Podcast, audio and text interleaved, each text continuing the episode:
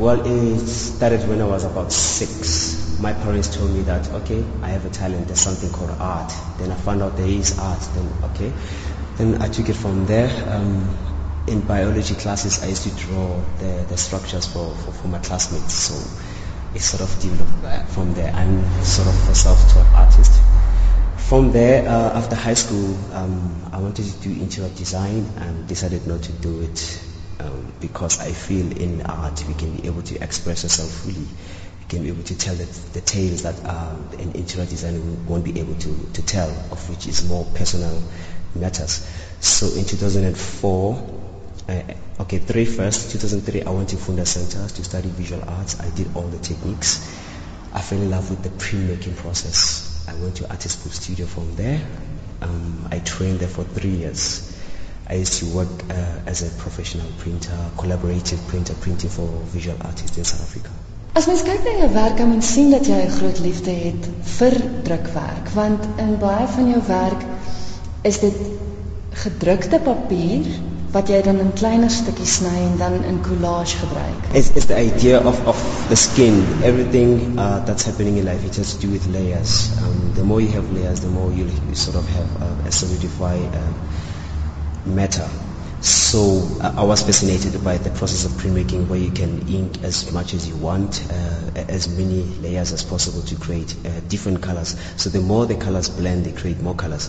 So I fell in love with the idea of collage as it's a metaphor for, for layers. You can think about the skin itself, you can peel it off until it gets to the core, the core uh, of, of, of itself. So I love the idea of, of, of concealing things. So when you, the more you have layers, is the more you can conceal things, you can be able to reveal as well. So it works back and forth, reverse and, and forward. So it is an anatomical um, process itself, it is a metaphor for, for, for the skin and, and, and as much as you can see, I use my body. Ek wil nou net sê want as mens kyk, hier's baie waar die menslike liggaam gebruik word. En jy het vir my gesê dat dit selfportrette is. Dis jou lyf daai. Yeah, yeah. Everything about me is very personal. It's it's about the, stru- the structures that I'm building up. Um, they are about myself. So I'm sort of reconstructing myself re-evaluating myself and re-examining examining myself, uh, trying to find, you know, new meaning into myself and understanding myself. It is all about self-identity, of course, um, and, and the human body or maybe ourselves. We can never really truly know ourselves except if you examine ourselves, re-investigate ourselves. So it is more of a personal work I've been working on since I started my career. As ons kyk, daar's verskillende tegnieke wat jy tog gebruik. As ons kyk na hierdie, dis weer eens die menslike figuur, maar dis lang dun strokies papier wat jy gebruik het. Teenoor 'n ander figuur aan die ander kant van die galery wat wat jy eintlik half uitsny werk gedoen het. Hoe hoekom die twee verskillende tegnieke? Uh first of all, my works are all about uh, trying to create a space, a space where you can see the things that you cannot see. Um like air for instance, we can never establish where maybe the wind, maybe I could maybe just specify as wind, we can never know which direction it's going. That's number one. Number two, I'm I'm recreating these human forms, sort of making an animation. It's a process of, of, of a human body developing. And the idea that when you write, you write from left to right, some of the, some people when they write they write from top to, to, to bottom. So that process itself think about vertical and bottom and horizontal. So there uh, it's it's all a matter of trying to create a, a, a chaos an organized chaos um, let us go in different directions. They're not necessarily meant to, to be straight they're not meant to be legible they're not meant to be read but uh, to show the abstract forms of the letters themselves En weer eens kom ons terug by die laag want hierso is is een laag bo op 'n ander en elkeen elke laag is verskillend uitgesny.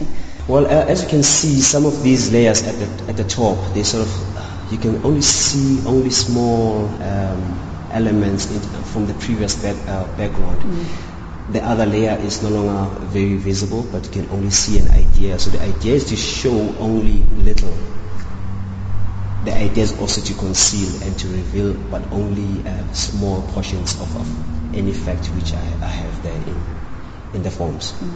Jy het 'n klop ander werk ook wat wat ink is waar jy wat jy ook verskriklik fyn werk. Well, I'm I'm inspired by very uh, microscopic uh, life. I'm creating a universe which is very microscopic only maybe it can be seen by um, um, maybe a, a microscope. So I'm, I'm drawing each and every dot, each and every uh, line to, to sort of create pixelations because it's taken from the idea of the TV.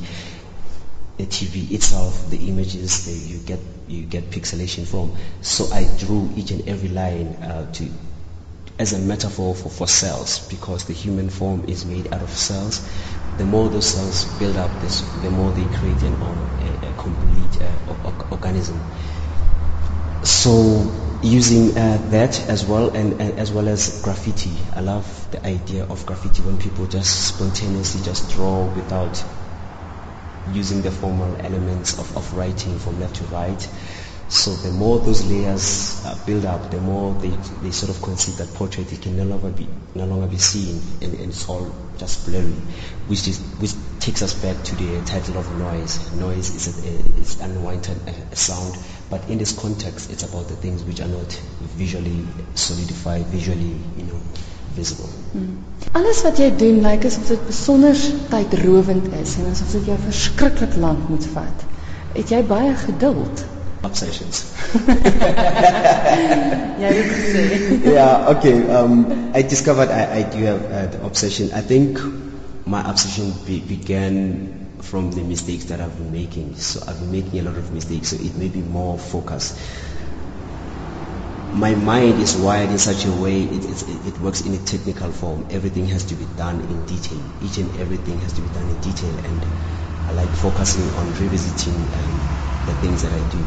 Mostly it's because when I read, I would have to read a book, maybe a, a page, more than one sometimes to, to get the content for me to officially understand. Some people they will go through a sentence and get and absorb as much as they could as quick as possible. But for me, it I have to revisit it and understand it in in, in a way that uh, I will completely understand. Another person can understand as well. So it's that slow process that has inspired me to work in a slow manner because I work, everything has to be done in detail, everything I have to pay attention to detail until I build up that form at the end.